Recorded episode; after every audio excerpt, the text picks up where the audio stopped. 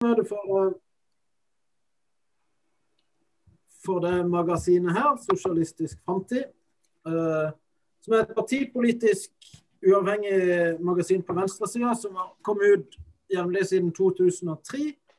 Uh, og har, har da som formål å bringe folk fra forskjellige sosialistiske tradisjoner fram, sammen til debatt og kameratslige diskusjoner. Og det kan vel si om korona at det har vist oss litt nye muligheter til at vi kan møtes mer på tvers av både organisasjoner og distrikter og landsdeler og i det hele tatt. Så det, denne møteformen tror jeg er noe vi kan ta med videre. Så det er veldig hyggelig, da. Og i det siste nummeret her så er det altså Håkon Nedøy Hansen bl.a. som har skrevet om planøkonomi.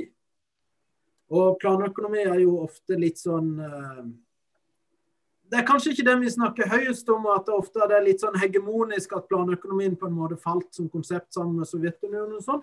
Men spørsmålet er jo om hvis vi skal ha et alternativ til kapitalismen som vi går inn for, da, er det ikke nettopp planøkonomien som i en eller annen form uh, har de løsningene vi, vi søker etter å finne. da. Uh, så Håkon skal da innlede om kubernetisk uh, planøkonomi. Og så skal Anders Ekeland, som jo allerede har eh, dere har sett, holde et være en slags opponent, med da særlig basert på spørsmålet rundt klima og miljø, da, og at det, det nye problemet som økonomien må løse i dag, som kanskje ikke var så relevante når en diskuterte dette på på 70-tallet sånn, selv om jeg vet at Håkon bygger, bygger, på nyere teori, altså. Men uh, da Og så gjentar jeg, for jeg ser det har kommet et par nye møtedeltakere, at dette møtet vil bli filma hvis ingen uh, har høylytte protester mot det. Uh, og da gir jeg ordet til Håkon, og så kan du jo begynne med å introdusere deg sjøl. Og så tar vi spørsmål og innlegg og sånn etter innledninga. Ja, tusen takk for det, Aslak. Jeg bare lurte på om du kunne gjøre sånn at jeg kan eh, dele en presentasjon av det forberedt. Det skal jeg, da skal jeg gjøre det til co-host, er det det enkleste? Det er det, det, er det kanskje. Eh, for, forresten, nå, nå, må dere bare fortelle meg, det er litt sånn støy i bakgrunnen. Har et vindu åpent? Det, jeg hører det ikke, men uh... Ikke det heller. Nei, ok. Nei, men uh, dere gir meg bare et ping hvis det, hvis det blir plagsomt. Ja, nettopp. Uh, nå så jeg fikk på en skjerm til her, for jeg skulle få litt bedre plass. Uh, der, ja.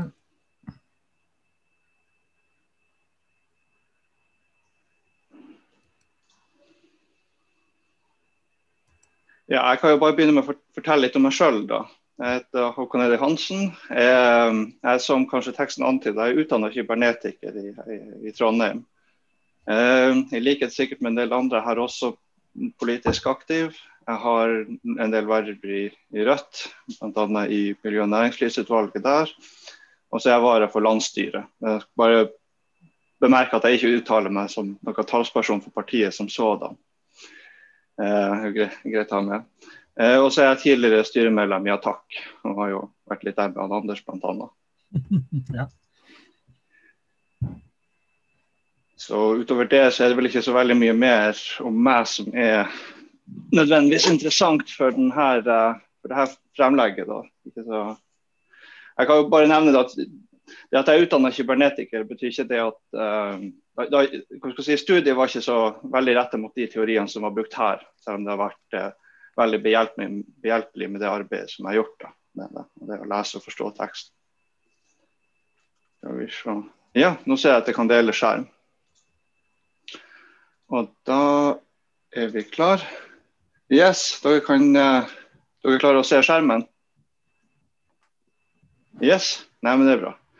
Da skal jeg bare begynne. Uh, ja, jeg skal jo prate om planøkonomi. Jeg kan jo bare starte litt opp med å si at um, jeg kommer til å anta at de, de, som, de, fleste som er her, ikke har lest det som jeg har skrevet tidligere da, om temaet som sånn. Legger det mer sånn på med sånn introduksjonsplan. da. Og hente konsepter som jeg, som jeg skrev om tidligere, men jeg vil ikke hva skal jeg si, at noen skal falle av da, etter beste evne. Jeg vil hovedsakelig snakke om det her med organisering som sådan innad i økonomien. Yes. Nei, da kan vi bare begynne, da. Jeg vil først begynne å diskutere litt om det som Når vi snakker om sosialisme, så er det jo ofte snakk om en form for demokratisering av økonomien. På venstresida, spesielt i Norge. Og, og, Før jeg går inn på den selve modellen som jeg har skissert tidligere i tekster, eh, så vil jeg prate litt om de her forslagene som vi finner på venstresida. Og jeg vil understreke som sådan at de, de her forslagene er ikke dårlige i seg sjøl. De, de, er ofte veldig gode på sånn, si, øyeblikkelige reformer. Men de, de, er ikke tilstrekkelige for å løse det, det problemet med kapitalismen som sådan. Altså, som et fullverdig erstatning av et bedre økonomisk system. Um, og jeg vil ta for meg hovedsakelig de to modellene som diskuteres innad i Norge på, i en eller annen form. Da. Det ene er jo hva skal si, nasjonalisering av industri og bedrifter. Typisk en sånn her uh, sosialdemokratisk eh, var, eh, drakt, kan du si. Da. Det her med å re renasjonalisere gamle Statoil eller Equinor f.eks. og lignende. Det andre er jo en markedssosialisme gjennom samvirkelag. Da. Oi, det var vel litt um, altså Problemet med den hva skal si, en sosialdemokratiske løsninga, jeg skal ikke gå inn på alt, men en, en del av det er jo at um, selv om sant, Stortinget eller mange av de offentlige institusjonene var fulle av sosialister, så ville det jo vært særdeles begrenset med hva de hadde fått til i den enkelte virksomheten. Da, ikke sant? Du har jo og det hører jo med i historien at Ofte så var jo ledelsen i de her bedriftene pådrivere for privatisering. Eh, så De vil jo kunne motsette seg eventuelle initiativ. Så Ved mindre du har en mer sånn storskilt endring av eh, virksomhetene, så vil jo problem, problemet altså med si, rådrift på de ansatte, at du ikke tar hensyn til miljø osv., vil jo fortsette. Eh, mange eksempler på ofte der hvor statlige bedrifter har vært vel så ille som enkelte private, og, og sikkert eksempler på verre også. Eh, når det gjelder denne markedssosialismen for samvirkelag, så er det jo til syvende og sist at det endrer ikke den grunnleggende dynamikken når det kommer til, altså til det kapitalistiske markedet. Altså du har, eh, altså Den store forskjellen kan du si, er jo på bedriftsnivå med at de, eh, med at de ansatte blir sine egne kapitalister. De utnytter seg sjøl for å overleve i markedet. Så Pga. det ikke sant, så, så, blir jo hvor mye profitt de har til å bruke til eventuell altså egen drift, egen lønn og eventuelle sosiale nyttige formål, vil jo være begrenset hvor profitable de er. Og ikke sant, vil jo også snevre inn hvor demokratisk de kan være internt. Da. Altså Der har du bl.a. i Mondragon har du hatt reversering av enkelte eh, hva skal si, utjevnende politikk da, og Eh, demokratiske organer. Da. Altså F.eks. så lar de ikke sine underleverandører ta del i eierskapet på noe vis. og Det er også historikk her at de tok jo over en heismontørbedrift her i Norge, og da nekta de, og da jobba de veldig hardt for at de ansatte ikke skulle fagorganisere seg. Det er, sant, de er jo, sant, så det er jo eh, skal si, markedskonkurransen da, som, som setter ganske betydelige skranker her. Um, så hva er, er, er løsninga da? Og, da vil jeg jo hva skal jeg si, starte med, med hva jeg definerer som en sosialistisk planøkonomi. da. Eh, greit å ha de definisjonene i orden. Eh, for det første så vil jeg jo si at det ikke det, det er ikke ensbetydende som at du, har, at du har totalt fravær altså du kan minne om markeder eller mekanismer som man i dag forbindes med markedet. Så i så måte, så i hvert fall for kapitalismen sin del, så, så støtter jeg meg litt på Ellen Woods, altså den historiske marxisten.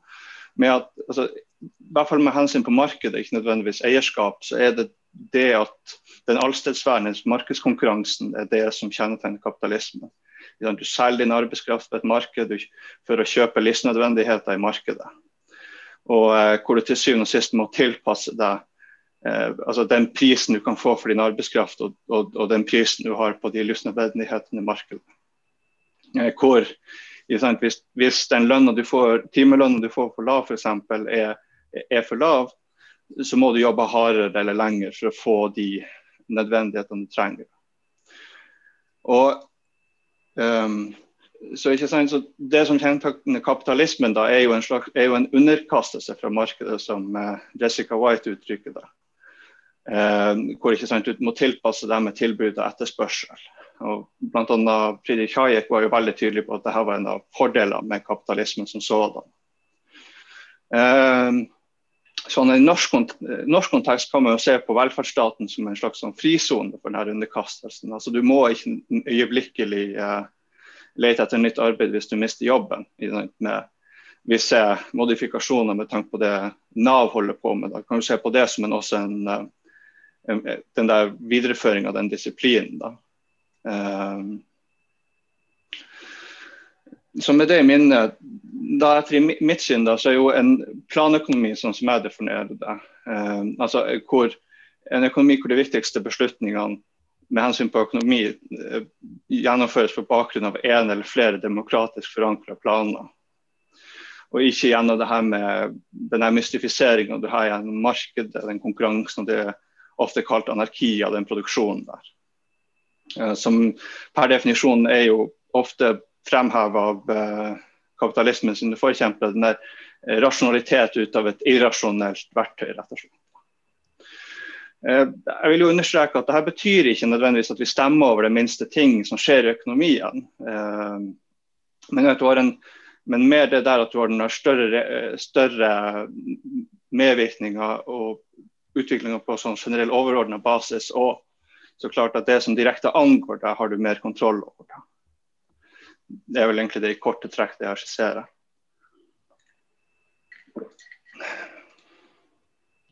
Skal vi se. Ja, Der, er ja. Og som eh, nevnt tidligere, det var Naslak ikke sant? Mye, en del av de organisatoriske teoriene som jeg benytter meg av, eh, baserer seg på kybernetikk, spesielt det som han avdøde Stafford Beer eh, med hans arbeid eh, i etterkrigstida. Han døde for 10-15 år siden. 10 år siden, tror jeg det var. Um, Først bare sånn kort inn, Hva er kybernetikk? og Det skal jeg si veldig kort. Det er, altså det er disiplin med, opp, med regulering og opprettholdelse av tilstand. Altså for dere som har bil, så er cruisekontroll det er veldig sånn klassiske eksempler. Sånn, du regulerer hastighet på bil med å, å uh, overvåke hvor chatten går til hvert tidspunkt, og så gi pådrag. ikke sant? Uh, gjennom en tilbakekobling. Altså gass, bremse eller ikke gjøre noe, avhengig av uh, den hastigheten du ønsker å opprettholde. Eh, som, altså, opp, også samtidig observasjon. Da. Eh, jeg skal ikke gå gjennom alt på Stafford Beer, men bare det som er relevant her. Da. Og en av de tingene som, han, som var liksom hans hovedfokus i, i, grunnplanet, var jo det, det vi kaller variasjon. Og I kybernetikken så er det, handler det om antall tilstander i et system, sånn som vi har definert det. Um, så f.eks. hvis vi tenker trilla terning, så vil den ha seks, seks tilstander, en variasjon på seks. da. Og For at vi skal ha tilstrekkelig variasjon til å forstå en terning, så må vi kunne være i stand til å skille mellom de, de seks forskjellige tilstandene. Eh, også Et annet viktig element er det vi kaller med attenuering. Eh, og Det er her en, en, denne prosessen å redusere den variasjonen vi tar inn og tar hensyn til. Så her kan vi tenke med terningene. når vi, når vi skiller mellom de seks tilstandene, så bryr vi oss kanskje ikke om fargen på terningen eller hvilken vinkel den har. Eh, det er ikke relevant for oss i dette tilfellet. Det blir en, en, en, eh, snakk om skjønn og hva som er hensiktsmessig ved den anledning. Du kan jo også tenke på det når du bruker f.eks. mobilen eller PC-en i hverdagen din. Du, du bryr deg ikke til uh, hva som skjer under panseret til enhver tid. Du, du, du uh, tar kun hensyn til det som er nødvendig for å, å, å bruke det utstyret. Oppstår det feil, så blir det jo noe annet. Da øker du variasjonen ikke sant, for å fikse problemet.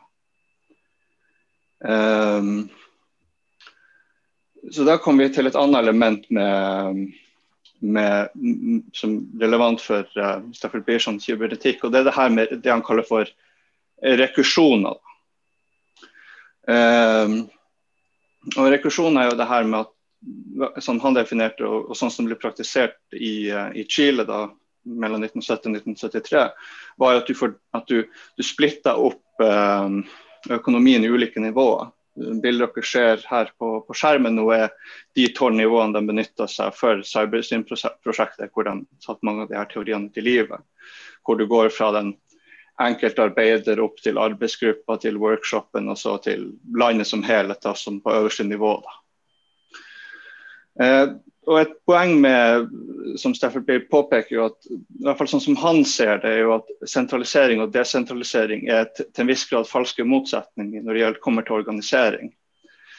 Siden, altså, hvis noe er fullstendig desentralisert, så er det ikke noe. Det, hvis du ikke har noe overordnet som binder det sammen, en viss identitet, så, er, så eksisterer det egentlig ikke.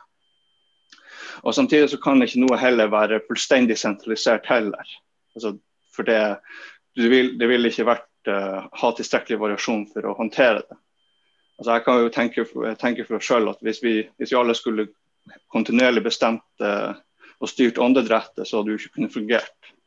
Det var en del sånne automatiske prosesser som, som uh, håndteres på et lavere nivå i organisasjonen eller i systemet som helhet.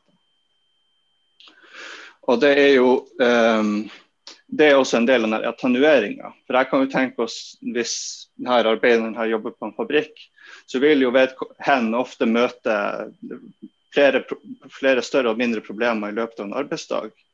Og mye vil jo arbeideren kunne klare å løse sjøl. Ofte, ofte kanskje det aller meste. Men av og til så vil vedkommende ikke ha eh, det som vi kaller tilstrekkelig variasjon. Da. Og da vil jo eh, arbeideren her i dette tilfellet gå til arbeidsgruppa si og forklare problemet og prøve å få eh, å løse problemet der. Da.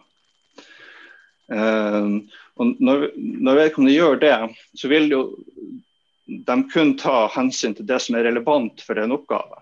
Altså for å løse det problemet. Du vil ikke, så Er det en maskin som er gått i stykker, så, så, så prater du ikke med, om uh, om været i samme slengen da, som en relevant del av det problemet. Du, du tar ut det essensielle. Og Det vil jo nødvendigvis også ha noe variere, eh, no, avhengig av hva problemet er. da. Og På den måten så kan du si at vi har en form for eh, planlegging på ulike nivå, altså både i samfunnsnivå, men også i detaljnivå, hvilke problemer man tenker å løse. Um, og så mellom, de her, mellom hvert nivå så vil du ha en form for attenuering. sant? Du tar hensyn til mindre, mindre variasjon enn det du gjorde i nivået under av nødvendighetsgrunner. Og, og, en ting Beer påpeker jo at å, eh, si, å, å attenuere for mye, altså minske variasjon for mye eller for lite, er et av de vanskeligste problemene kan, et av de vanskeligste tingene å få rett, og også det det som kanskje er mest skadelig. Man kan tenke at um, hvis arbeidsgruppa begynner å diskutere altfor mye som er trivielt, så vil man jo ikke få gjort noe nyttig. Så det er denne balansen med hva som er hensiktsmessig, er en av de vanskeligere problemene man løser sånn rent praksis, praktisk. Um, samtidig så er det jo en, en, noe som er særdeles viktig også i kybernetikken, er det her med altså, tilbakekobling. fra reguleringer. Og da er, da er også et av de tingene som den økonomien jeg tar, tar ordet for, er det her med lokalt selvstyre gjennom regulering. Da. Hvor du har en form for tilbakekoblingsinfrastruktur eh, som hjelper dem å regulere seg sjøl. Altså F.eks. at en fabrikk eller en annen form for virksomhet kan regulere sin atferd gjennom eh, informasjonen sender ut og, og, og, får tilbake inn i denne infrastrukturen.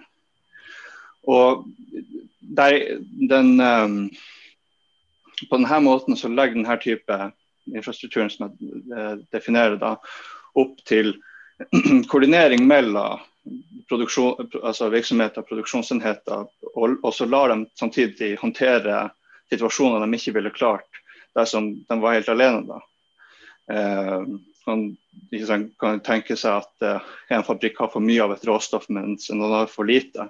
Og Da vil de kunne utveksle informasjon og korrigere det deretter.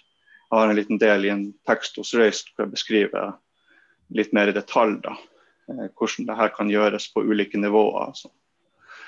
Um, denne infrastrukturen, sånn som jeg løst definerer det, altså består jo til syvende og sist av naturlig nok digitale verktøy, som, som bildet uh, antyder. Men uh, det også, består også av institusjoner som er, som er knytta opp i de her uh, verktøyene. Uh, så ikke sant, Hvis vi ser for oss en, en gjeng arbeidere for eksempel, som gjør fremskritt rundt stålproduksjon, da vil denne infrastrukturen kunne legge til rette for at den kan dele sine funn f.eks. i en konferanse eller på en møteplass for stålarbeidere. Uh, informasjon som sådan blir gjort tilgjengelig for andre stålverk. og de har mulighet til å kompensere. ikke sant? Og så kan andre arbeidere, enten i stålindustrien eller kanskje i andre, andre produksjonsgrener, fikk noen problemer med Bluetooth. Eh, teste ut uh, denne nye teknikken, forbedre den og så sende den videre. ikke sant? Sånn kontinuerlig sånn, uh, tilbakekobling mellom de her uh, økonom, hva skal jeg si, aktørene. Um, en ting som jeg også legger mye vekt på, eh, er det her, er det her med protokoller. Eh, navnet her er henta fra eh, den økonomiske historikeren Aaron Bennow, som har skrevet veldig mye godt om det her. Og det de egentlig er tiltenkt for, er det her med å strøm, strømlinjeforme planleggingsprosessen. Eh, hvor de definerer altså, hvordan man skal gå frem, Eh, altså hvordan man skal gå frem og, og eh, for å finne frem hva man ønsker å optimalisere for planlegging, enten energi, eh, materialforbruk eller lignende, og hvordan det kanskje skal optimaliseres. altså Hvor mye bør du eh, fokusere på det kontra det. da. Eh, hvor, man, altså, hvor f.eks. bruk av det her med algoritmer som er veldig mye diskutert rundt planøkonomi, hvor man kan ha, hvordan man skal ta hensyn til, til hva de uh, skriver ut. Da. Så det er mer kvalitative måter å, å gjøre økonomiske beslutninger på. Og Det som er med protokoll, de her protokollene igjen i flertall, er at de vil dekke ulike si, nivåer i økonomien og nødvendigvis ulike typer virksomheter. Da. Altså, og Eh, altså hvordan f.eks. produksjon distribusjon knyttes sammen. Da. Og eh, Du kan jo tenke deg at f.eks. atomindustri vil ha helt annen form for protokoll enn det du vil ha for sko. Ja, hva som skal vektlegges og hvordan. Så, så, jo, så, det de gjør, at de gir jo en vidt frihet med hvilken eh, variasjon vi skal attenuere. Hva skal vi ta hensyn til i, i, på, i det nivået og hvordan. ikke sant? Så det ikke blir en sånn evig uendelig debatt med hvordan du skal gjøre ting. Da. Du har en form for metodikk. da. Eh, altså, så Vi kan på mange måter tenke det her, på det her som eh, tommelfingerregler, standardiseringer, hvordan du skal gå frem i denne planleggingsprosessen. Eh, så ikke sant, Hvis vi bestemmer oss for at ingen fabrikk med så og så mange arbeidere kan slippe ut mer enn såpass mye eh, avfall, eh, så vil protokollen ikke sant, fungere som en begrensning og veiledning for hvordan de skal eh, planlegge og vri produksjonen, slik at de oppfyller de her, de her målene. En ting som også er, er relevant, er at dette er jo åpen, åpne protokoller, og at de er jo demokratisk vedtatt. Like med mye annet her. Um, så så ideen her er jo at um, planlegginga er jo på langt uh, er jo mål, Målsettinga skal gjennomføres kollektivt. da. Så at ikke økonomien ligner på de gamle østblokklandene. Altså, som kjennetegnes av det man ofte på godt engelsk kaller for central planning. ikke sant, fra, fra, fra det høyeste nivået i staten. altså det er jo i, ikke bare fordi at det her er jo av demokratiske årsaker ønskelig, men også som jeg prøvde å tydeliggjøre at altså, du, du, kan ikke opprettholde den type sentralproduksjon i praksis uansett. da.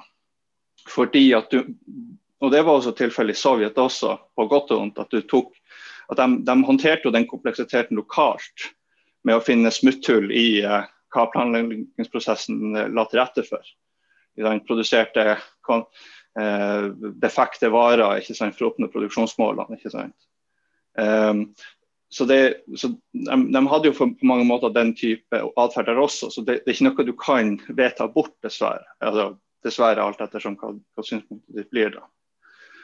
Um, så det igjen, det jeg, det jeg skisserer da, er jo istedenfor at du har en sånn sentral plan som både er vanskelig å holde konsist, eh, så er det mer en, en, en serie med overlappende planer. Eh, hvor du satser for at der, der det er overlapping, er, er de konsistente og sammenfallende. Eh, hvor man f.eks. har ulike overlappende planer mellom assosiasjoner, eh, industrigrener osv. Og, og ulike typer produksjonsenheter, som enkelte kaller det. Og det vil jo også, altså, Planene vil jo ikke sant, utarbeides av dem som er eh, altså dem som jobber de ulike, på de ulike nivåene, vil jo være dem som legger opp til de planene, sammen med nærmiljøet, forbruket, forbrukere osv. Som ikke går så, uh, så mye direkte på nøyaktig hvordan det foregår. Jeg har en del kan, kan gå, komme inn på det senere. Og, og Det vil jo naturlig nok eh, eh si, kjennetegnes av en del det vi kaller for altså IKT-verktøy og lignende, eh, som vil gjøre det mulig å, å, globalisere dette samarbeidet, uten at vi skal se på det her som en det er sexmakende. Um, for å få legge opp til denne uh, mer hva skal jeg si, fri assosierte planleggere, så er jo det er jo mange det er jo, det er jo det her med den sosiale arbeidsfordelinga, ikke nødvendigvis den tekniske. Altså Hvordan forhindre denne tendensen at noen eh, gir ordre mens andre utfordrer. Um, og da har, er jo jeg sympatisk til forslaget fra Petter Wein om at du har rotasjon av arbeidet. Eh, sånn at alle oppmuntres til å, å, å, gå gjennom de ulike arbeidstypene som det administrative, det repetitive, eh, omsorgsarbeidet og det av kreativ natur. da, som et eh, altså Hvor hensikten er at folk skal utvikle sine eh, kap, eh, kapasiteter og, eh, og perspektiv, samfunnsperspektiv. Da. Og du kan si også øke deres personlige eh, variasjon. Da. Altså Gjøre dem i stand til å håndtere flere mer komplekse situasjoner kollektivt. Um, så Et kjennetegn av dette vil jo det at en, Du må jo ha en viss allmenn verdighet eh, for at dette skal kunne fungere. Altså, ikke sant, her med at du avvikler det her med utnytting eller, og, og, form for rådrift. sagt veldig enkelt. Du kan, altså Ingens eh, arbeid skal kunne vurderes på et sånt vis at du, at du har de som eh, graver i kobaltgruvene med hendene, mens noen nyter godt av det som produseres derifra. Altså, hvordan det her skal gjøres i praksis, er jo, litt, er jo vanskelig å si. da. Altså, det mest, altså, hva skal jeg si at um, Du må i minste ha såpass høy um, godtgjørelse fra det arbeidet du gjør, da, for at, skal, ikke, skal, uh, for at det ikke skal være lønnsomt å bruke, uh, bruke mye tid og krefter på den type manuelt arbeid. Og et minimum av materiell komfort, sånn at um, ingen føler seg tvungen av um, hva skal jeg si, en form for markedsdisiplin til å utsette seg for den type arbeid. Um, som uh, bringer meg til det siste elementet i denne presentasjonen. Da. Og det med det her med nødvendighet og frihet, da, blant annet henta fra Marx. Da. Og det er jo for at uh, hva skal jeg si, at, altså For at alle skal kunne utvikle sitt potensial og variasjon, da, for å kunne bidra i denne typen økonomi, Eh, så, så, vi, så, så, mener jeg at for at det skal være mulig å få til, så må det som tilfaller under nødvendighetens rike, eh, være noe som alle har tilgang til uansett. Altså det her kan jo inkludere fysiske, fysiske nødvendigheter, sånn som eh, mat, klær, husly osv. Man kan tenke på eh, helsestell f.eks. Og det kan også eh, si, utvides til å, å inkludere mer eh, kulturelle ting. Da. Sånn som utdanning, altså tilgang på flotte bibliotek, tilgang til eh, kommunikasjonsteknologi eh, som lar dem kommunisere med andre og lignende. Um, og Det er jo naturligvis denne delen av, av, samfunnet som vil være det som preges mest av planlegging. Altså man, det er det felles prosjektet for allmenn frihet og verdighet. Um, altså, så frihetens rike, altså den, det som muliggjøres av denne form for planlegging, vil jo naturlig nok være mer, preges av litt mer sånn friere assosiasjoner. Uh, Om noen vil bruke det frihetens rike da, til å fordype seg i matematikk, kjemi eller bedrive, bedrive, med sport og spill eller reise rundt, det er opp til dem sjøl innenfor det spillerommet som er der. da. Eh, hva nødvendighetens rike vil jo nødvendigvis er jo ikke gitt. og Det, det vil jo nødvendigvis også endre seg. da. Her er jo også Marx tydelig på at hva man ser på som nødvendighet, det avhenger jo fra kultur til kultur og eh, hva slags produksjonsmidler og det, tek det, teknologiske nivået. Og det vil jo muligens utvides eller endres ettersom samfunnet gjør det også. Um, så, så, det jeg skisserer på mange måter her, da, er jo en, en, en felles overflod, da kan du kalle det. Eller mangel på knapphet. da. Og, og, ikke gjennom en sånn, eh, hva skal jeg si, en sånn uh, uendelig produksjon av varer, altså forbruksvarer eller ting, da, om kan kalle det det. da. Men at du realiserer gjennom en altså, organisering, da. Altså hvor det, det sant, alle bidrar gjennom det sosiale, altså tydelige sosiale forpliktelsen til hverandre. Og at det eksisterer jo per i dags dato i form av at sant, du bidrar til samfunnet og sånt, da, men eh, denne forpliktelsen da, som på mange måter nå eh, eh, hva skal jeg si, eh, tvinges igjennom gjennom markeds, markedskreften da, og, og den tilknytta underkastelsen hva skal jeg si, vil gjøres langt mer friere og direkte. da. Altså, altså hvor du ikke du blir ikke tvunget gjennom trussel om, om, sult og hjemløshet for å, gjøre, for å jobbe. Altså, det er mer en sånn invitasjon til eh, samarbeid, da, positiv forsterkning, som det heter som man ofte ser gir bedre resultater enn det å si, kontinuerlig true um, så igjen, så jeg vil jo med tanke på det hensynet på miljø, at det ikke, ikke produksjon ikke, altså, uh, ikke evig materiell, for, materiell du bruker materielle råvarer, men heller at du realiserer en uh, langt mer sånn he, si, holistisk visjon av det var egentlig det jeg hadde å legge frem. Så takk, takk, for meg for akkurat nå.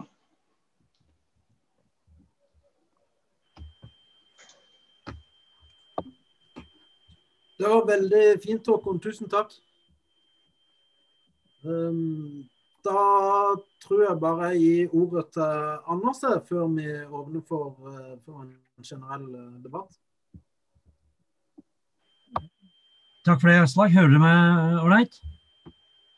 Ja.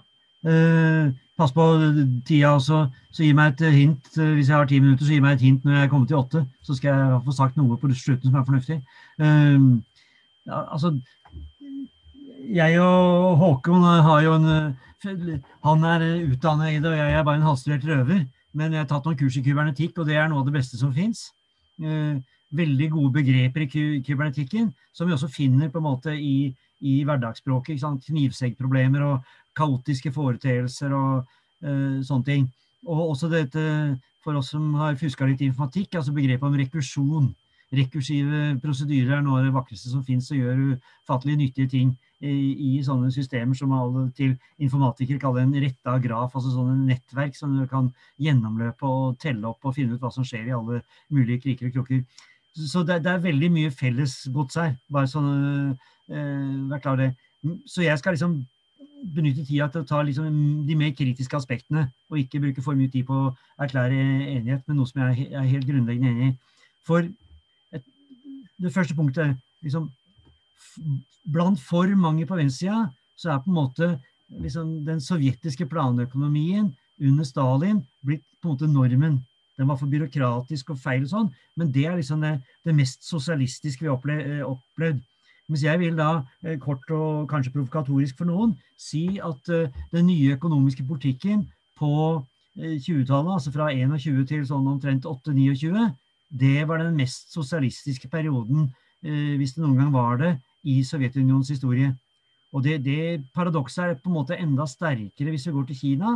Altså Er det mest sosialisme under Mao Zedong, som da kjemper i flere omganger mot uh, de som går den kapitalistiske veien, The Capitalist Roaders, altså Deng Xiaoping.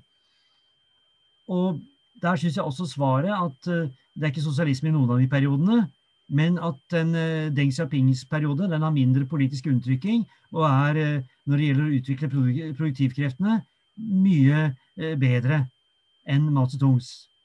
Mao Zedong hadde også en ganske katastrofal økologisk politikk.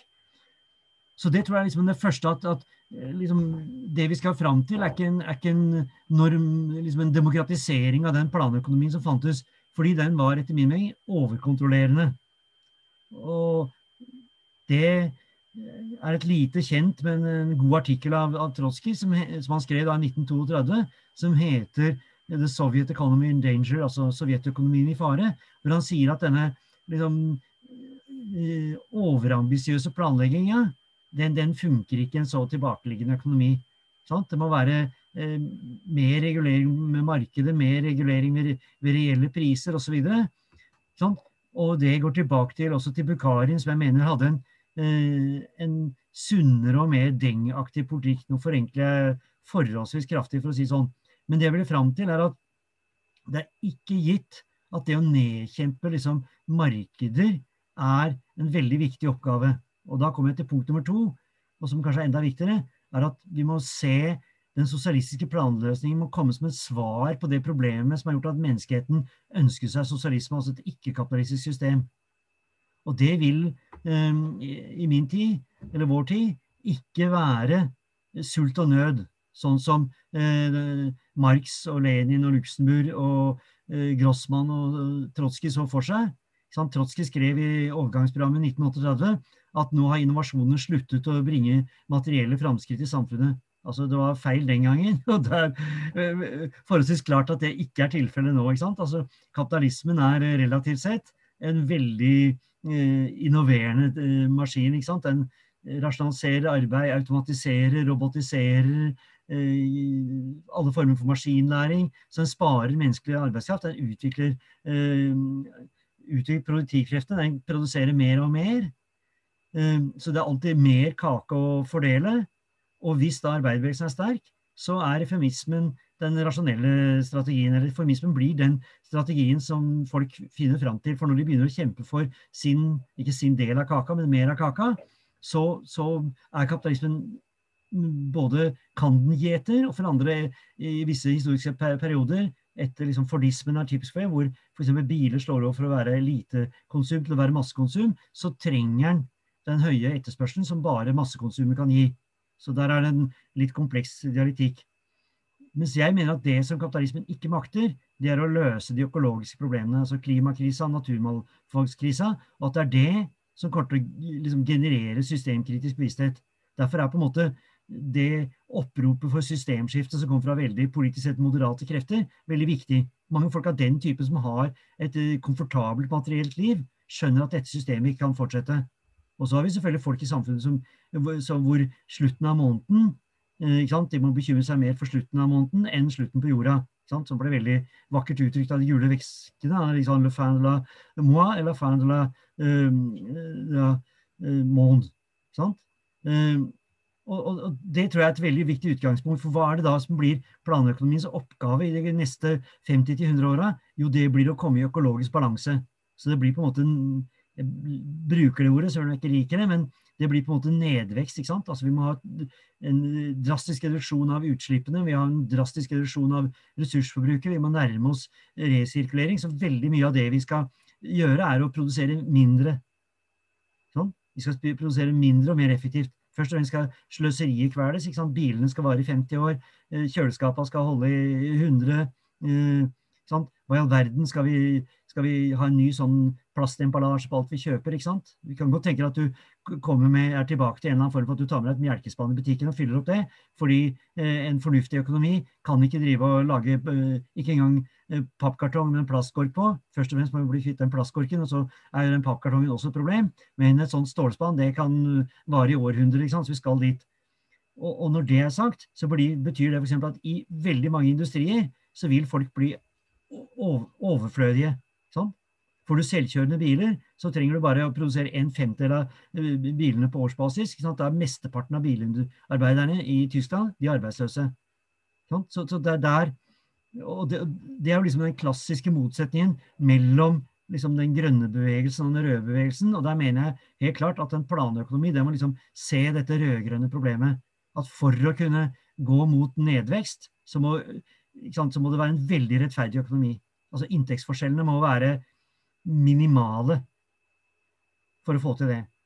Og, og det betyr at Dessuten så må vi på en måte legge om infrastrukturen veldig ofte. Så derfor, sjøl om jeg er en ivrig eh, halvstudert informatiker, så mener jeg at det blir mye mer diskusjon. Skal vi ha eh, liksom, resirkulær engangsemballasje, eller skal vi gå til stålcontainer? Skal vi innrette hele systemet på at du ikke frakter melk til butikken, men bare fyller opp en tank. Skal ølet bare være på en tank? Du kommer med din egen sånn eh, øldunk og fyller opp den. Og jeg har jo bodd et par år i, i Tsjekkia under kommunismen. Så, og Der er det fortsatt såpass økologisk at du tar med en mugge ut i kroa og henter eh, fem-seks eh, halvlitere og stikker tilbake til TV-en. Sånn, som ikke genererer noe for, for emballasje eller transport utover en tankbil. Sånn, jeg bare illustrerer dette med noen enkle konsumeksempler. Men det, er klart at liksom, for å gripe litt an til, til Håkon, standardiseringa må bli veldig mye kraftigere på viktige ting. Altså Det kaoset som har vært på, på, på ladere og til bærbare og telefoner, skaper enorme mengder med elektronikksøppel. Og Der burde arbeiderbevegelsen vært i spiss for å standardisere på ladere. Og, og sånt noe, så, sånn at den gevinsten som kom når du standardiserte ladere, produksjonsmessig og distribusjonsmessig, den tok uh, arbeidsfolk ut i enten høyere lønn, men i, hvis vi ser fra norske forhold, hovedsakelig arbeidstid. Og, to, to, to, minutter, Anders. Ja, det er fint. det er fint. Uh, for jeg skal si noe i kommende innlegg i debatten også. Men ja, når det gjelder arbeiderdemokrati, så mener jeg at vi under kapitalismen så må vi gå tilbake til skytønnen, som 20, i 1980, det mest radikale punktet til LO, foreslå at det skulle være 50% representasjon i alle ledelsesnivåer i bedriften. Og da kunne du oppheve konkurransen. Sant? Allerede fagforeningene opphevet i en viss grad konkurransen ved å regulere lønninger og litt arbeidsforhold og sånn, men vi må gå mye lengre. Sant? Så fagforeningene i detaljhandel de må si nå skal vi kvitte oss med bæreposen, og vi skal ikke ha bærepose i noen kjeder. sånn at den konkurransen disse eh, oligopolistiske kjedene mellom, den ble oppheva.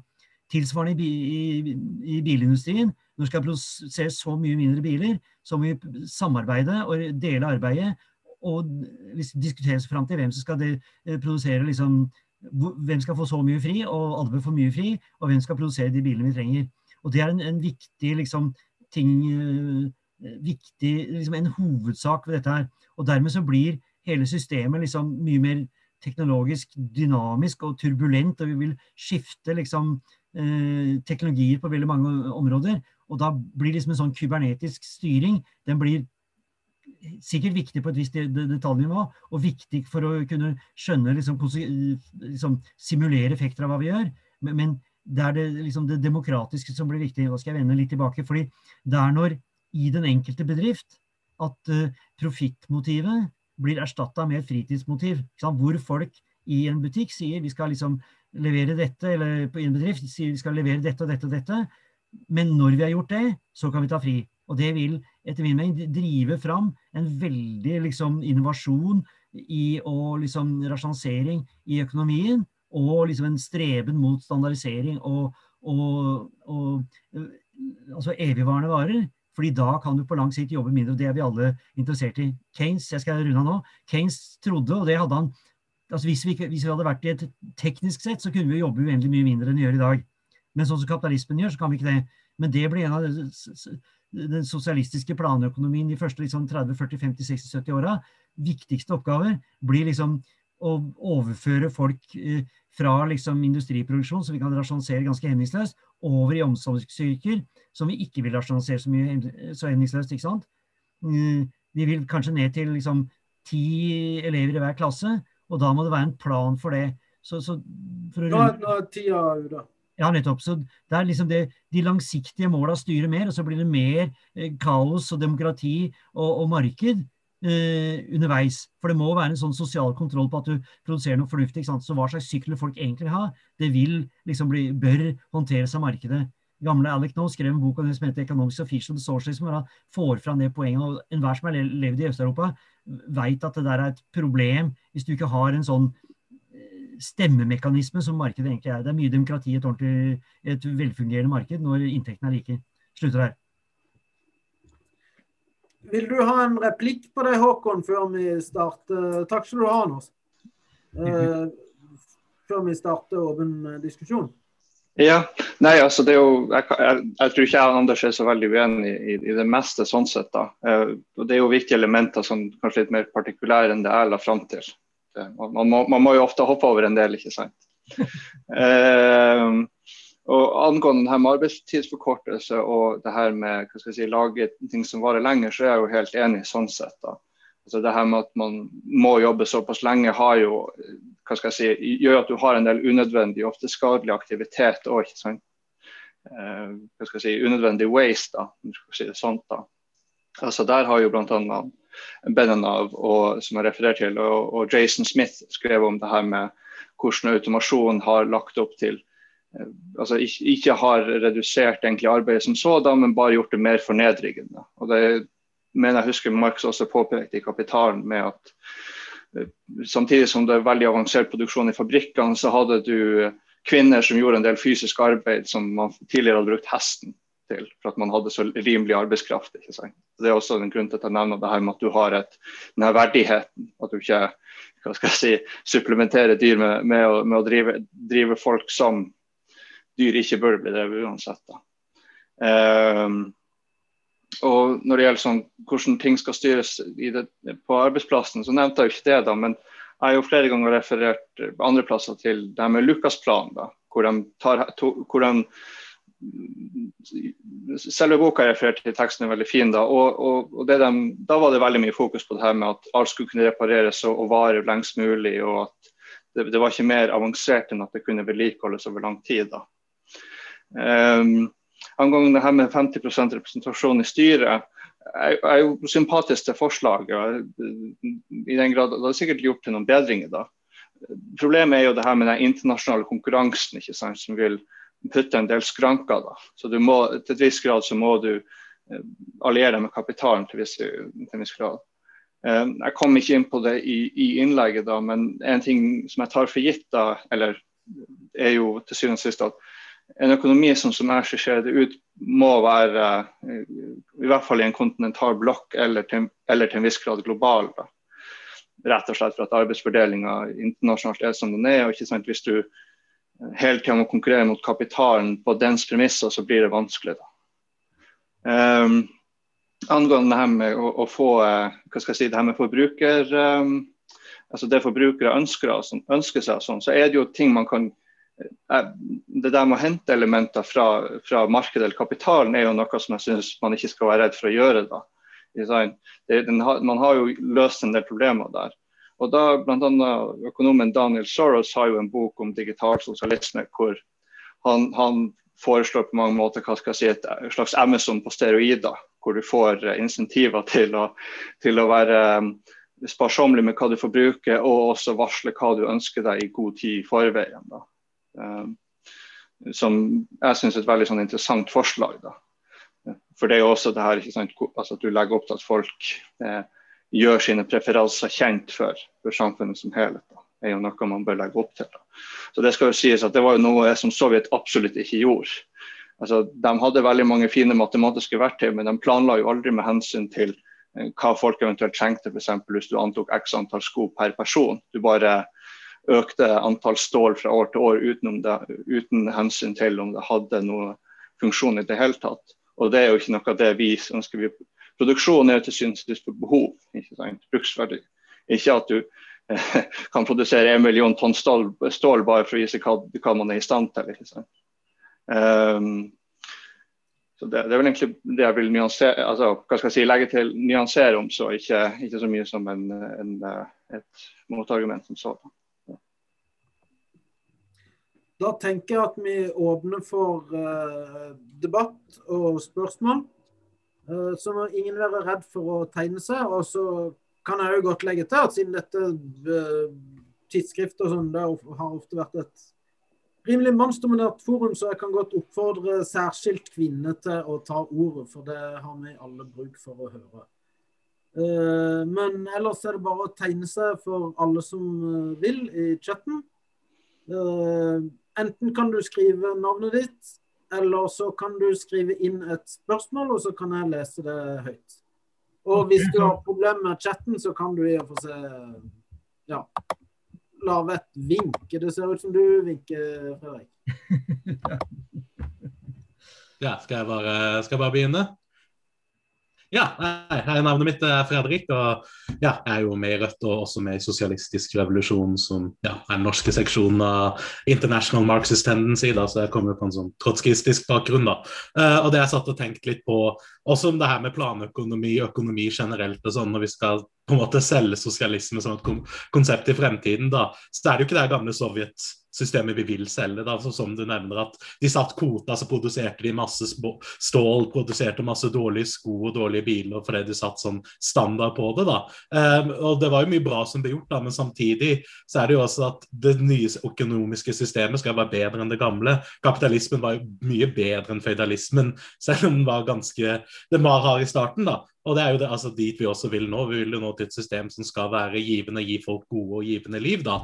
Og eh, teknologisk utvikling, som du også nevner, er jo, blir jo eh, viktig der. da. F.eks. det å få tilgang på underholdning eh, er jo blitt lettere enn noen gang. Få tilgang på film, spill og musikk via digi det digitale, via internett og sånn. altså Der har jo kapitalismen vært veldig bra, da, men det er fortsatt store restriksjoner. og Det er jo en skjevfordeling globalt på hvem som kan sitte og nyte det, og hvem som ikke kan. da. Men selv den tredje verden begynner sakte å ta igjen der. da. Så da tenker jeg at det er mye fint å bare Det, det kommer nesten til dekt bord, da, så det er egentlig bare for oss å overta bordet, da. Så egentlig ikke så mye spørsmål, men det er bare sånn, jeg har tenkt mye på det i det siste. At, det er veldig, at de aspektene er veldig viktige for meg. Det er veldig flott å se andre også prate om det. da, Og ikke bare hele tiden nevne at Kina klarte ditt og Russ, Sovjet klarte alt. For det er jo samme argument jeg har hørt liberalister bruke. da, At uh, kapitalismen har løfta såpass mange ut av fattigdom. Og så nevner de at Sovjet løfta såpass mange ut av fattigdom. Og det er veldig bra da, altså å løfte folk ut av fattigdom er objektivt en bra ting. da, Men så er det jo sånn at vi skal ha et nytt og friere samfunn. Og det er jo hvordan skal økonomien være da, da. Så jeg syns det var bra å ta, ta del i. Så kjempebra foredrag av begge to. Jeg foreslår at vi, tar et par replikker til før vi gir innlederne anledning til å kommentere. og Da har jeg tegna Kim Runar, og så har jeg tegna med etterpå. Så da gir jeg først ord til Kim Runar. Og så er det altså bare å tegne seg i chatten, eventuelt å vise det med, med hånda hvis den er på video, eller bruke den funksjonen med raise hand. Ja, hører dere meg? Ja, jeg har vel eh, to kommentarer. At uh, arbeidet skulle være en invitasjon til fellesskapsfølelsen eller noe lignende. Uh, spørsmålet hva gjør man med de som uh, ikke har evne eller vilje til å delta? Jeg har to eksempler på individuelt nivå. Jeg var i Nord-Korea for en del års tid siden. Så var jeg på en kollektivfarm Eh, der hvor de snakket om at eh, En person jeg snakket med, sa at de for noen år siden da, hadde fått en enarma alkoholiker som hadde gått runden rundt til massevis av forskjellige bedrifter. Og han klarte ikke å drive på med høstinga. Og de sleit med å ha han eh, på den formen der i flere måneder etterpå. Fordi han allerede hadde opparbeidet seg et rykte som en person som var vanskelig å ha med å gjøre. Et annet tilfelle er fra Romania, der man hadde samme prinsipp. Hvis du ikke klarte å finne en jobb, så fikk du en jobb. Eh, på 1920- og 30-tallet så hadde eh, altså romfolket, eh, stor frihet til å reise over landegrensene. Eh, når eh, jernteppet kom, så ble det stuck i et land, eller i, i det landet det var. da, Og i Romania så ble kulturen nærmest satt et lokk over. Og de ble sett, satt til all verdens slags drittjobber, for å si det rett ut. Og så snart at de fikk mulighet til å slutte å jobbe på dette, så sa de fleste opp sine jobber og havnet plutselig i fattigdom. Så hvordan løser man slike problemer? Og det andre, det heter Anders. Du snakker om standardisering, at man må øke standardiseringen. Eh, jeg jobber i sikkerhetsbransjen. Eh, standardisering av IT er et problem i sikkerhetsbransjen. For eh, programmer som med vilje har logisk svikt, er de programmene som er vanskeligst å hacke. Så hvis man da starter med en kultur hvor man skal standardisere ting, så er det viktig at man da har enkelte deler av industrien da, som uh, jobber blant annet med sikkerhet. Da, hvor man da kan kjøre sine egne metoder med, med bl.a. logisk svikt i programmene for at det skal bli vanskelig å forutsi.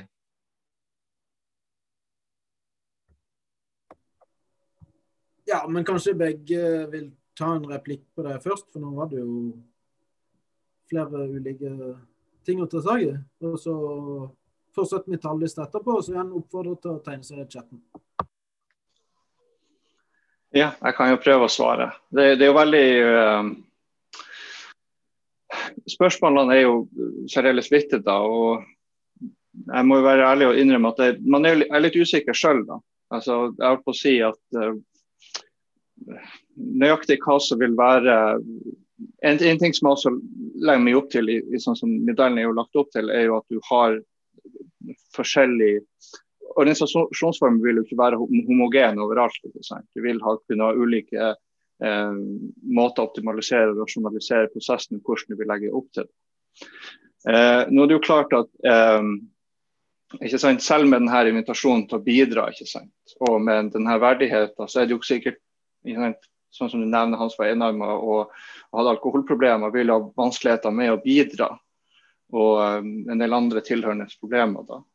Og Det er jo et ærlig, det er jo et spørsmål man har i dag også. ikke sant? Hvor mye ressurser skal du bruke på kontroll, f.eks. på å ta de som eh, eh jukser til, seg trygd og lignende. da. Um, så i den grad du skal ha sånn den type jeg, er jo i prinsippet ikke noe glad i sånn type straffesanksjoner. Sånn der. Altså, på sett og vis så, så Målet her er jo ikke nødvendigvis bare maksimal produksjon som sådan, men også å legge opp til at ikke sant, selv han med sine problemer vil kunne bidra på sett og vis. Og samtidig ha en allmenn verdighet i det og ha den støtta vedkommende trenger. Eh, ikke sant? Man har jo til syvende og sist det også gjennom ikke sant? folk, personer med utviklingshemninger som gjør skogsarbeid f.eks. Sånn. Så det vil jo være litt avhengig av personen og uh, den samfunnsmessige situasjonen. da. Men uh, altså, ikke i, i, verste fall, hvis du har et, par, et ytterst fåtall som rett og slett bare ikke er i stand til å jobbe eller ikke, ikke vil, da, så, så, vil man jo, det vil jo være en del sosial sanksjon med at du, det, det, er ikke så veldig høyt verdsatt. da, altså, Du vil jo føle et visst sånn sosialpress. da, Hvor bra det er igjen, er jo også et spørsmål som man kan diskutere langt om. Um, og Hvis du har veldig begrenset arbeidskapasitet, så er det mulig å, å, legge opp til at du fortsatt kan bidra. Og selv med, hvis du mangler en arm eller har eller har ikke, Parkinsons eller hva det nå skulle være. da. Det, du har verktøy som kunne lagt det til, til rette for det. Eh, når det kommer til det her eh, nevnte romfolk og ikke sant, kan tenke seg lignende kulturer, da, så er det jo også hvordan skal du ta høyde, ta, legge, opp, legge til rette for det. da. Um, igjen her litt, jeg, kjenner jo ikke situasjonen deres eh, eksakt. og sånn der. Altså, jeg er sikker på at man kunne lagt opp til at altså de kunne bi, hadde en form for økonomisk bidrag gjennom den vandringa over områder. Sånn. Altså form av frakt eller hva det nå skulle være. da. Eh, her vil jeg jo tro at økonomen Elinor Aastrøm kanskje gir noen bedre pekepinn. Hun har jo jobba mye med sånn lang, lang, altså det her langsiktig vedlikehold av naturressurser og folk på stort sett stasjonert. da. Eh, men ja. Jeg, akkurat der er jeg faktisk litt sånn usikker hvordan i detalj. da. Men det er jo noe de, igjen, det er jo hvordan du ville organisert det, er jo noe som ville vært opp til dem sjøl innenfor disse rammer. Ville kunne lagt opp dynamikken så at det, eh, det gikk an. da.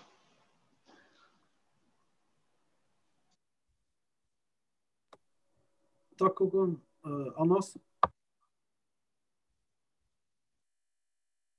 Ta bare Rune før meg, du, så kommer jeg etter ham. Rune Naustdal har tegna seg, så vidt jeg ser. Han har en hånd oppe. Så ta han ja, Beklager. Ja, kjør på, Rune. Ja.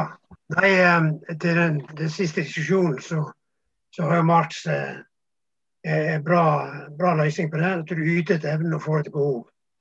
Så er jo den, eh, det problemstillingen der løst. Men, men eh, det er klart det, det, det er det kommunistiske prinsippet, men det var jo gjerne et stadie før det, hvis du, hvis du går til, til uh, klassikerne. At uh, da er det, er det, mer etter hva du bidrar med, du får, får, uh, får ja, betalt eller ut ifra. Men, men denne planøkonomien det er jo et veldig stort tema. Og er, Dere er jo inne på veldig viktige, veldig viktige områder. Men, men, men, men hvor, altså, hvordan planøkonomien oppstår, er jo ganske avgjørende. Altså, det mest sannsynlige er jo at, at det skjer en eller annen endring i, i et land først. Og, og, dermed så har du problemet med at, ja, at kapitalismen da eksisterer på utsida av dette, landet. Og du, du, kan da få tilsvarende tilsvarende eh, negative omringninger som man så etter oktoberrevolusjonen, f.eks. Eller man eh, i et, et, bedre perspektiv tenker seg at dette var en europeisk, eh, europeisk revolusjon eller endring. Da vil man være i en, en helt, annen, helt, annen, posisjon. Men, men uh, uansett uh, så er, er, ikke det bare uh, er ikke det bare dette med det, med det klimamessige og miljømessige problemstillingene som er, er sentrale i, i, dette her. Det vil også være, være de omfordelingene som er, er nødvendige internt i, i landene men også i, eh, i verden. Der, der, eh, for at dette skal, eh, dette skal være en, en, noe vi kan forsvare, så må det jo bli en, en omfordeling i verden. Og det er jo en, kolossal eh, problemstilling. Men den er, ikke, den er ikke umulig. Tenk på alt eh, kapitalismen i dag sløser med både med arbeidskraft, altså med folk som ikke er i jobb, og med militærindustrien, som uh, sluker enorme mengder med, med, med, ressurser. Som kunne vært brukt til fornuftige ting. Kunne uh, ja, omregulert hele militærindustrien til, til, å bli brukt på å heise opp uh, den tredje verden. Eller ja, eksempel. Men det er mange, mange problemstillinger rundt dette som ikke er så enkelt. Selvfølgelig dette med, med, med arbeiderstyret, valg av sine ledere, eh, er jo en aktuell, aktuell problemstilling. Og, og, ja, altså jeg er jo medlem i Rødt. Eh, der har vi laga et dokument nå som, hvor man eh, vil eh, vil eh, fjerne denne helseforetaks Eh, reformen og tilbake til en, en sånn som det var før 2001. Men, men det, var jo, det jo slett ikke bra før 2001 heller. Da var det jo eh, noen eh, eh, sjefer som hadde mer eller mindre all makt. Så her mener jeg at vi skal, vi skal være mye mer dristige. Jeg mener at det, det burde være på sin plass i, i så opplyst uh, samfunn som vi er i dag, at de ansatte kan velge sine ledere. Så, men, men, men, men eh, en, en, planøkonomi verdt navnet må jo bygge på samarbeid. Altså det kan ikke, være, kan ikke bygge på noe konkurranse eh, bedriftene imellom. Det må være en, en form for samarbeid. Og jeg tenker meg òg at eh, på sentral, altså, Håkon som var inne på det i innledninga si, at eh, dette med altså, sentralt nivå det blir jo, Etter min, min mening så blir jo det enormt viktig. Altså det, det, det må politisk velges et, et, en eller annen regjering på sentralt nivå med et program som, som uh, sier noe om eh, hva slags område det skal prioriteres på. Og så er det da eh, opp til de underliggende enhetene å å gjennomføre det, det som, blir, som, blir, planlagt. Eller det som man, man, man ønsker å, å prioritere. Ja. Takk.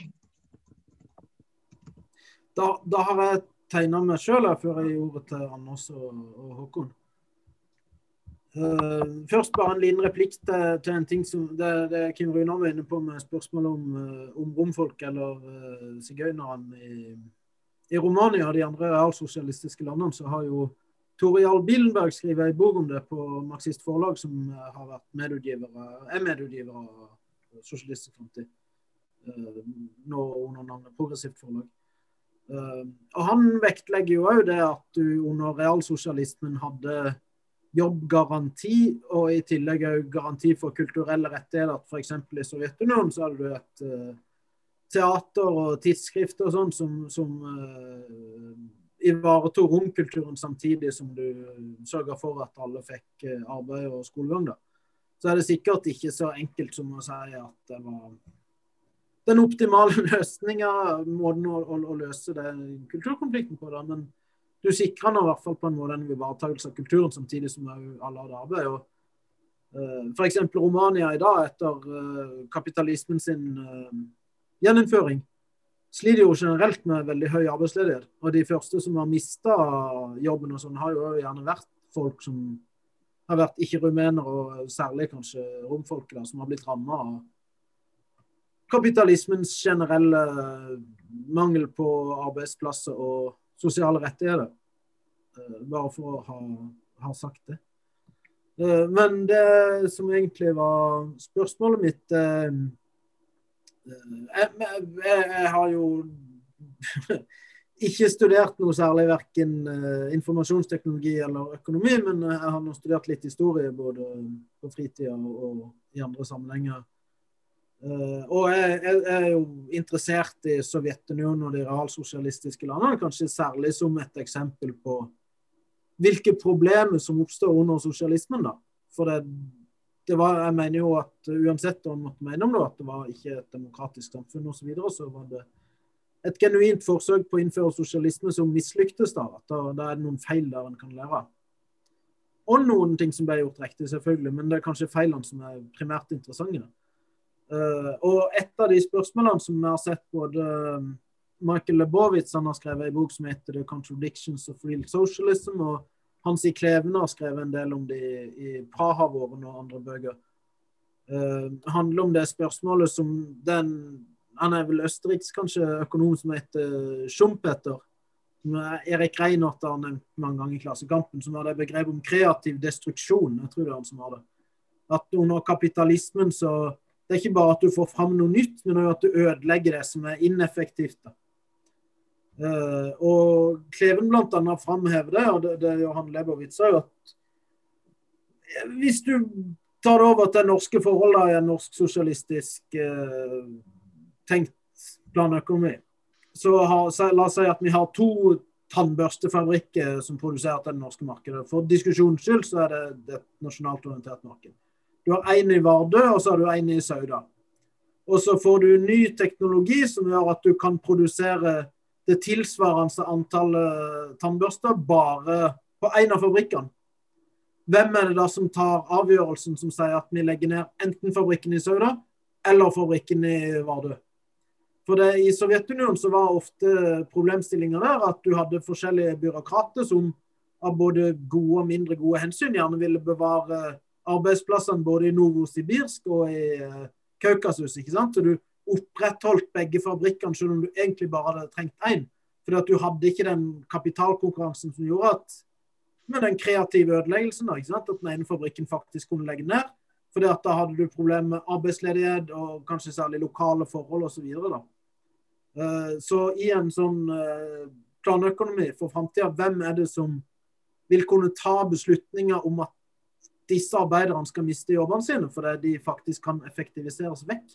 Det, det mener jeg et uh, uh, Ja, det er et sentralt spørsmål som vi må ha gode svar på. Ja, replikk til Kim før Anders og Håkon. Ikke replikk, et nytt innlegg. Det er ikke en replikk, et nytt innlegg.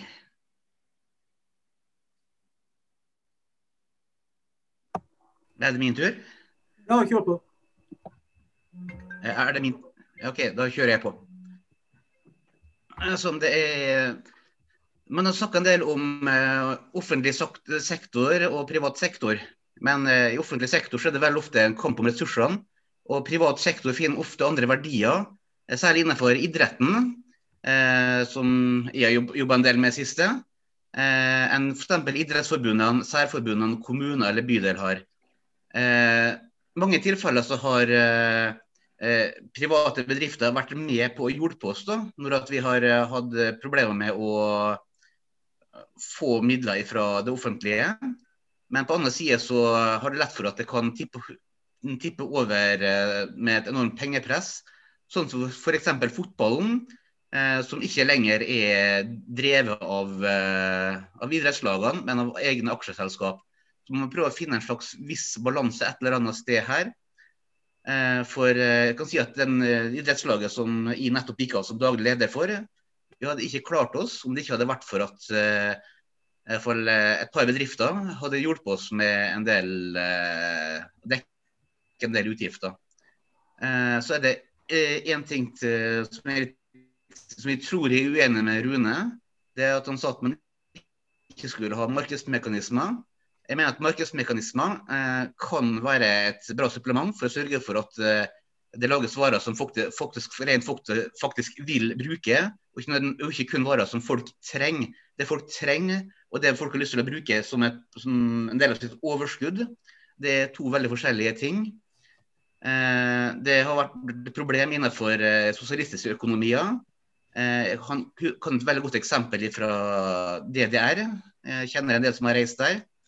Og De sa at ved et tilfelle så var de igjen på en fabrikk hvor de produserte store støvfrakker, som hadde vært veldig populære et par tiår tidligere. Og De var veldig stolte av at de produserte mange av dem.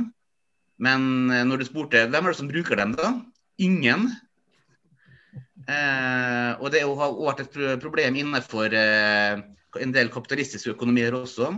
Man ser nå at eh, f.eks. Eh, amerikansk tegnindustri, eh, hvor det har vært en del eh, ja, aksjonistiske skribenter som har ført eh, særlig Marvel på uh, ei linje som er, går i strid med sine lesere, sine verdier.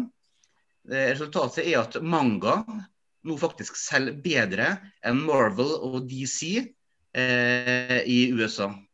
Så eh, det å ta i bruk markedsmekanismer sjøl innenfor et, eh, et, et marked som består av kun offentlige og kommunale bedrifter, eh, er et kjempemust. Ja, men da gir jeg ordet til først Anders og så Håkon. Maks fem minutter. Og så er det bare å tegne seg eller vinke vilt hvis den vil ha ordet. Ja, dette må bli litt eh, selvfølgelig hurtigtogsfart. Altså, til Håkon så, og den generelle debatten, eh, så tenker jeg liksom Hvordan skal vi etter erfaringen med de realsosialistiske landene begrunne en planøkonomi? Og da tror jeg det er viktig å liksom skape en klar kontrast både liksom til den situasjonen det oppstår i, hva som er formålet med den, og også mener jeg vi skal være mye mer kritisk til hva slags formål den sovjetiske planøkonomien hadde. Sant? Aslak sier at, hadde, at det var et genuint, men mislykka forsøk på sosialisme. Det er en påstand som jeg vil bestride. Det, det, det, den lar seg ikke belegge. Ikke? Du vil ikke herje sånn med bøndene hvis du virkelig var opptatt av folk. Du vil ikke herje sånn med arbeiderklassen eh, hvis du virkelig var opptatt av deres ve og vel. Og etter min mening er det jo helt klart at uh, det, denne herjinga med folk var kontraproduktiv i forhold til det som du ville fått til hvis du hadde hatt en mye mer demokratisk økonomi på alle plan. Altså Først det, liksom det parlamentariske demokratiet og ned på bedriftsdemokrati. ikke sant? Altså Det å innføre et enmannsledelse som de gjorde under Lenin, var et av de første tilbakeskritta. Vi kan ikke gå inn i den debatten, men demokrati er et tilbakeliggende lands viktigste produktivkraft. Så det var ikke isolasjonen til Sovjetunionen som gjorde at det ikke gikk i dass. Det hadde mer enn nok ressurser til å utvikle seg. sant? Det er det du ser når Deng Xiaoping åpner opp på sin kapitalistiske, reformistiske måte, på, sin, på en måte sjomprianske måte. Da går det så det hyler. ikke sant? Nå gikk det ikke så verst. Ikke sant? Mas. Men det tror jeg er veldig viktig å si. Ikke sant? At vi, den, den sovjetiske planøkonomien hadde en moderniseringsoppgave, en autoritær moderniseringsoppgave. Det var liksom det intelligensians misjon, både i Kina, Sovjet og disse tilbakeliggende landene. Ingen av disse landene var det en revolusjon mot kapitalismen sådan. Det var ingen avskaffelse av kapitalismen som var, eh, var revolusjonens motiv. Og heller, Dermed er det også helt liksom, vilt villedende å si at det var noe genuint forsøk på sosialisme. Det kan vi komme tilbake til. Men tilbake til eh, liksom litt andre problemstillinger. For jeg mener at planøkonomiens oppgave er å redde vår jord. For det er den oppgaven verden står overfor. Sånn? Så sånn, problemet er ikke eh, og, så, Det er det selvfølgelig i Nord-Korea. For der er nøden så stor, og, og liksom, det hele sakker så mye akterut. Produksjonsforholdene i Nord-Korea har virkelig blitt en alvorlig hinder for produktivfrihetens utvikling. Men under kapitalismen så er jo mye mer problemet at robotiseringa skaper en, en reservearme med et overflod av ø, arbeidskraft. Sånn? Og vi skal egentlig ha mer av det. Vi skal ha mer fritid, jevnere fordelt arbeid. Hva vi skal gjøre med en, en enarma alkoholisert mann, kan sikkert gjøre noe fornuftig, men det bør være helt på fritida. For vi har mer enn nok av friske folk som kan ta de jobbene som er igjen. Det er jo den reelle situasjonen. Jeg jobber jo med arbeidsmarkedet i SSB, og vi har jo liksom helt klart eh, i økonomien, tidlig trygding og alt det der som bare øker og øker for hvert eneste år, langt ned i ungdomsåra. Så vi har en liksom vi, vi, vi trenger ikke disse folka. Vi har råd til å ha 700 000-800 000 på trygd og en forholdsvis eh, velholdende pensjonistgjeng. Sånn? Vi er innmari produktive. Det er ikke noen mangel på Coca-Cola eller rødvin. altså, Eller biler, for den saks skyld. Liksom. Så det, har, det, er veldig viktig å få fram. Vi har et helt annet problem. Vi har det problemet at vi, planøkonomien skal sette en pris på naturen, sånn at, vi ikke, sånn at vi kommer inn i en situasjon hvor vi kommer tilbake til bærekraft. Vi er nå langt utafor bærekraft. Liksom. Vi, arter, matjord, fanas oldemor går rett i dass. ikke sant? Og Det er det, etter min mening, som kommer til å utløse liksom, de brede massenes revolt mot systemet i de avanserte kapitalistiske landene. Sjølsagt, og veldig viktig, i kombinasjon med den evige skjevfordelinga, winner takes all-samfunnet, som kapitalismen er. Så de to tingene, det kan vi Strategisk så betyr jo det liksom karbonavgift til fordeling, ekstrem inntektsutjamning, er liksom høyt på dagsorden. Men det som virkelig kapitalismen ikke kan løse, det er forholdet til eh, naturen og vårt livsgrunnlag. Eh, og så til dette med, med altså vi, vi, starter jo med markeder. Og dagen etter revolusjonen så er vi i beste fall, og det mener jeg vi skal agitere på på forhånd, så er, vi, så er hver bedrift går over over natta, sånn som vi så i Sovjetunionen, til å være arbeiderstyrt. Altså Jeg nevnte Skytøyen, men det er bare som et sånn reformistisk uh, forslag. For Skytøyen, helt bevisst, og Arbeiderpartiet på den tida, stansa over 50% fordi de da ville ikke måtte gjøre grunnlovsendringer som det ikke var tid til å gjøre. Sånn? Mens vi ville selvfølgelig gå, gå rett til fullt arbeiderstyre, valg av, av, av ledere på alle nivåer osv. Helt opplagt dramatisk lønnsutjevning, rotasjon i arbeidsoppgavene i bedriften osv. Men fortsatt, som det er blitt påpekt her, så trenger du det jeg har kalt for sosialistisk kappestrid. Det vil si, skal vi ha den typen sykler, skal vi ha sparkesykler eller liksom en eller annen type sykler? Hva slags biler skal vi egentlig ha? Sånn? På alle nivåer der så trenger vi initiativkraft, og vi trenger liksom for ikke bruke ordet konkurranse, så trenger vi kappstrid. Og hva gjør vi når da det viser seg at folk vil ha én ting, de vil ha den typen ski, og ikke den andre? Ålreit. Da må de som eh, jobber med eh, liksom de skia som ikke falt i smak, de må da eh, bli med på produksjonen av de skia som var i smak. Det er den omfordelinga hvor du ikke blir sendt ut i nød og elendighet, men hvor man opphever konkurransen. Men sånn som det jo er i mange store firmaer i dag som driver med mye innovasjon, det er at de har forskjellige team og forskjellige grupper som jobber mot hverandre. Så for, noen går for, for, for, ditt teknologi, andre går for datt. ikke sant? Nå må du runde av. Ja, og, og, derfor så mener jeg at, at den typen liksom eh, globalt styrt, at det er liksom litt kaos og prøving og feiling eh, lokalt, det må vi finne oss i. Og så må liksom energipriser, standardiseringsretninger og sånn, for de er jo ekstremt viktig at når du har biler, at liksom alle dekka passer overalt og alle skruene passer overalt og sånn. Fordi det reduserer lagerholdet en masse sånt noe dramatisk og gjør at du kan jobbe med å få eh, ting e-, evigvarende. Så, så, det er noen helt andre oppgaver planøkonomien skal løse, og det må vi få fram når vi nå omtaler det. For ellers så tror folk bare at vi har en eller annen sånn bitte liten vri på det sovjetiske. Håkon? Eh, skulle Rune si noe, eller er du Ja. Skal vi se. Eh, nei, det var bare en, eh, kanskje bare en replikk. Jeg oppfatta at eh, Kim Runar mente at jeg ikke, ikke ville ha noe marked. Eh, eh, altså, så, så, lenge det er knapphet av et, et eller annet slag, så vil det, vil det, automatisk oppstå et eller annet marked. Enten det er eh, svart eller, eller hvitt eller grått. Men markedet vil, vil, jo være der. Det er jo bare når, når man eh, når man uh, har uh, altså i hvert fall disse basale eh, godene som Håkon var inne på, på nødvendighetens, i nødvendighetens rike, er, er stetta. At man kan eventuelt begynne å snakke om at uh, det ikke, ikke, vil være, ikke, vil være, et, eh, et, et, marked. Det vil jo trenge seg igjennom i, enhver situasjon hvor, det er knapphet på saker og ting.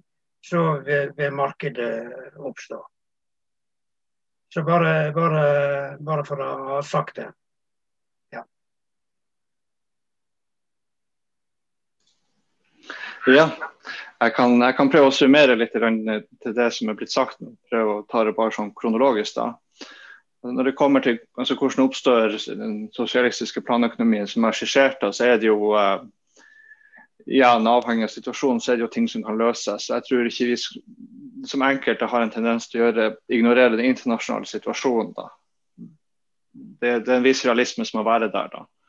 Og ikke sant, her med også med den globale arbeidsfordelinga og den, en global omfordeling av ressurser og goder er jo det er jo noe som også må gjøres på sett og vis, sånn, som vil gagne egentlig også de som har relativt privilegert posisjon i dag. Da. Um, skal vi se Ja, og så var det det Aslak nevnte f.eks. rundt eh, romfolk og Sovjet. Det er jo kompleks historie og sånn der. Og kunne, altså for under den modellen som jeg foreslår, så kunne man jo hatt uh, Gitt at de reiser litt rundt, og sånn, så kunne de fungere som om du skal kalle eh, altså, form for sesongarbeidere enkelte plasser. ikke sant? At De kan jobbe en plass, forflytte seg, jobbe videre en plass. ikke sant? Legge opp til den type eh, bidrag, selv når du ikke er på samme plass over så veldig lang tid, f.eks. Ikke gitt at, og, ikke gitt at de må jobbe så fryktelig mye heller. da. Og angående Sovjet og sånn, eh, konflikt internt, spesielt i staten, så er jo boka kan anbefale 'How Not to Network a Nation' av Benjamin Peters, som handler om det sovjetiske internettet OGAS. Altså hvor, altså, resultatet ble jo rett og slett at det, Sovjet fikk ikke noe internett for at departementene krangla mellom seg, og fordi at militæret ikke ville dele ressurser og teknologi. Og, så Det er jo litt sånn ironisk at det er i Sovjet på slutten av 50-tallet at den første diskusjonen om digitale nettverk men uh, han som foreslår det, han blir, han blir kasta ut av Forsvaret for at de vil ikke dele sine ressurser. Så Det er jo ganske forskjellig fra vi kjenner til altså hvordan teknologi fra militæret uh, sprer seg ut i sivil sektor. De fleste spillkonsoller vi har nå f.eks. er altså kommer fra uh, kampsimulering i Forsvaret, spesielt amerikanske. Uh, og ikke sant gjelder det her, det her med kreativ destruksjon, og sånt, det er jo også et fenomen. da, og Du vil jo mest sannsynlig ha en form um, for konflikter. Så kan du tenke folk som har kanskje et um, noe romantisert syn på den teknologien det er snakk om, eller liker den jobben de har. da. Og jeg tenker jo det at Akkurat nå så er det jo det et spørsmål om liv og død med tanke på arbeidsplasser. og Her har jo marxisten Max Adler skrevet mye godt om det her. at Gitt at du har et sosialistisk og klasseløst samfunn, eh, så vil jo eh, styrken på konflikten mest sannsynlig reduseres. Den vil ikke være borte, men den vil ha en helt annen karakter. Og du kan, og du kan um, si, litt, gjøre litt kompromisser sånn at det ikke ender dårlig. Da, ikke? Samtidig, ikke hvis du produserer ting gradvis mer og mer effektivt, så betyr jo det enten at du kan redusere arbeidsbehovet i nødvendighetens rike, eller du kan tilsvarende utvide det, og, og, kanskje de kan ta over den produksjonsmenyen. Altså, og ikke sant, Til syvende og sist så vil ikke deres livsgrunnlag avhenge at de må jobbe i den jobben de hadde, og det vil være forståelse for at hvis de bytter jobb, f.eks. Um, og, med det, rotasjon er jo også oppmuntra, så det kan jo også være mulighet for det. da. Uh, ikke alle vil jo være fornøyd med det, da, men prosessen vil ikke være like konfliktfylt, tror jeg. Um, angående det her med Det er jo et veldig reelt uh, fenomen det her med at det private er tett involvert i idrett. og Mye av det er jo pga. reklamemuligheter. ikke sant? Om jeg ikke husker feil, så var jo mange eh, fotballspillere i England tjente jo ikke så mye, med, tjente jo ofte mindre enn industriarbeidere på 60-tallet. Og når det, det, ble mer og mer reklame, så økte lønna tilsvarende. Så det ble mer profesjonalisert og showaktig og tilsvarende mindre demokratisk. Angående markedet og sånn, så, så, tenker jeg jo også det her at det er frihetens rike er vel kanskje det som vil minne mest om markedet. da, Og være en del av den personlige og spesialiserte utfordrelsen. Så, du kan jo tenke deg at hvis i nødvendighetens rike så har du tilgang til altså, bare for å gjøre det mer håndterlig, altså te telefon som vi har i dag. og så I frihetens rike så kan du kjøpe utvidelser eller personalisere den på sett og vis. Ikke sant? At du utfolder deg på den vis. Ikke sant? Um, spørsmålet med planøkonomien som sådan, så er det jo et veldig betent begrep. ikke sant? Man kan jo spørre seg om det er det man skal benytte seg av. da.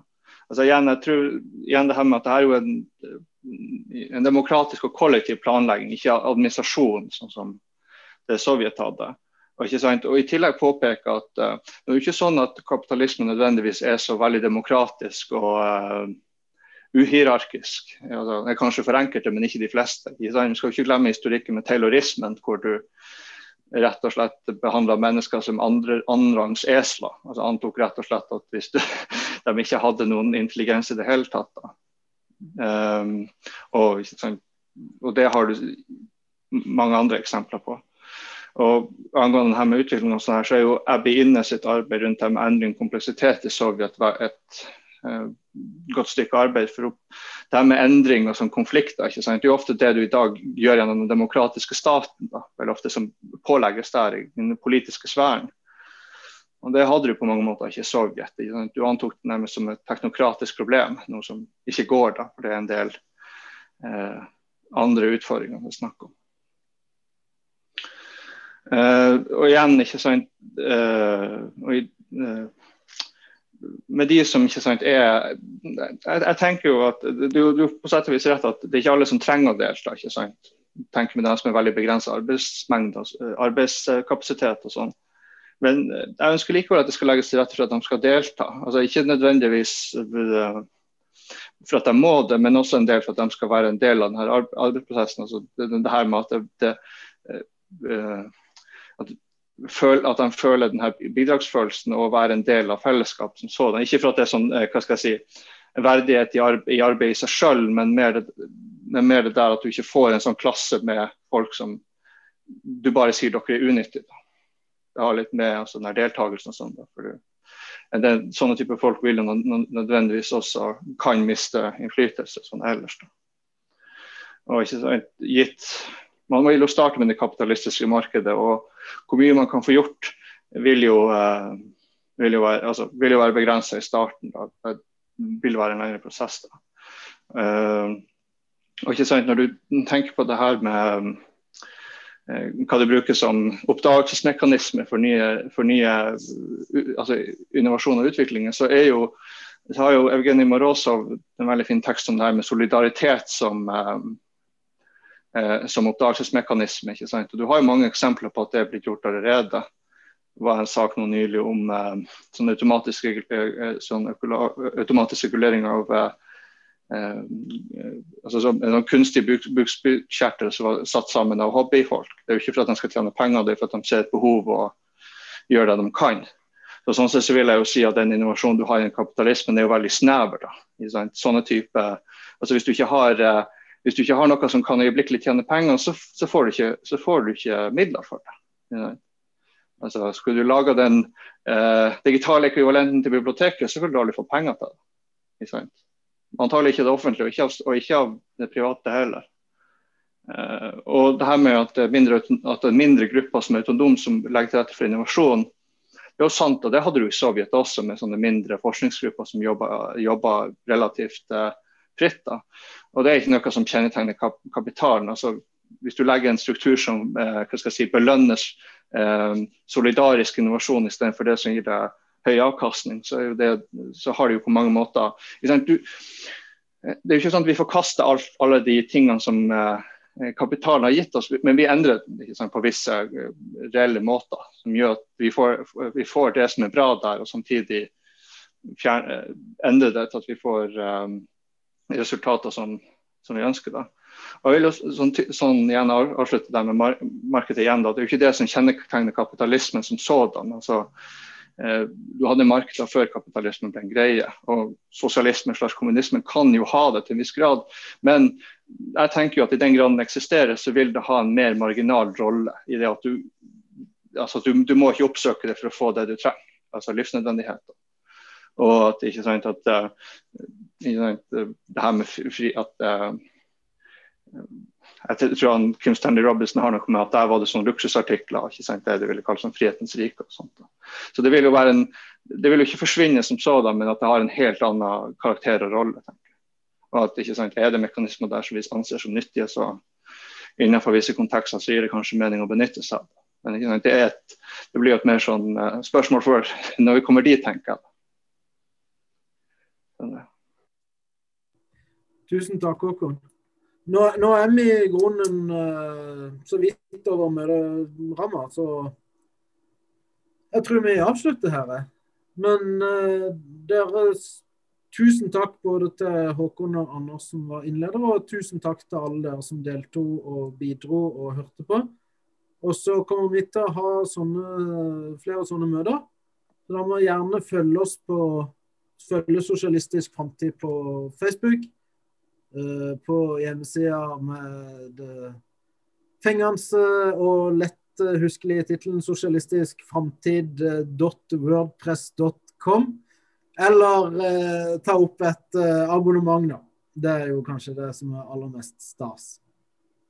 Men tusen takk for et godt møte, en veldig interessant diskusjon. Og så håper jeg vi ses igjen til framtidige møter. Men da, ha, en, ha en fin kveld, alle sammen. Ha det bra. Veldig bra.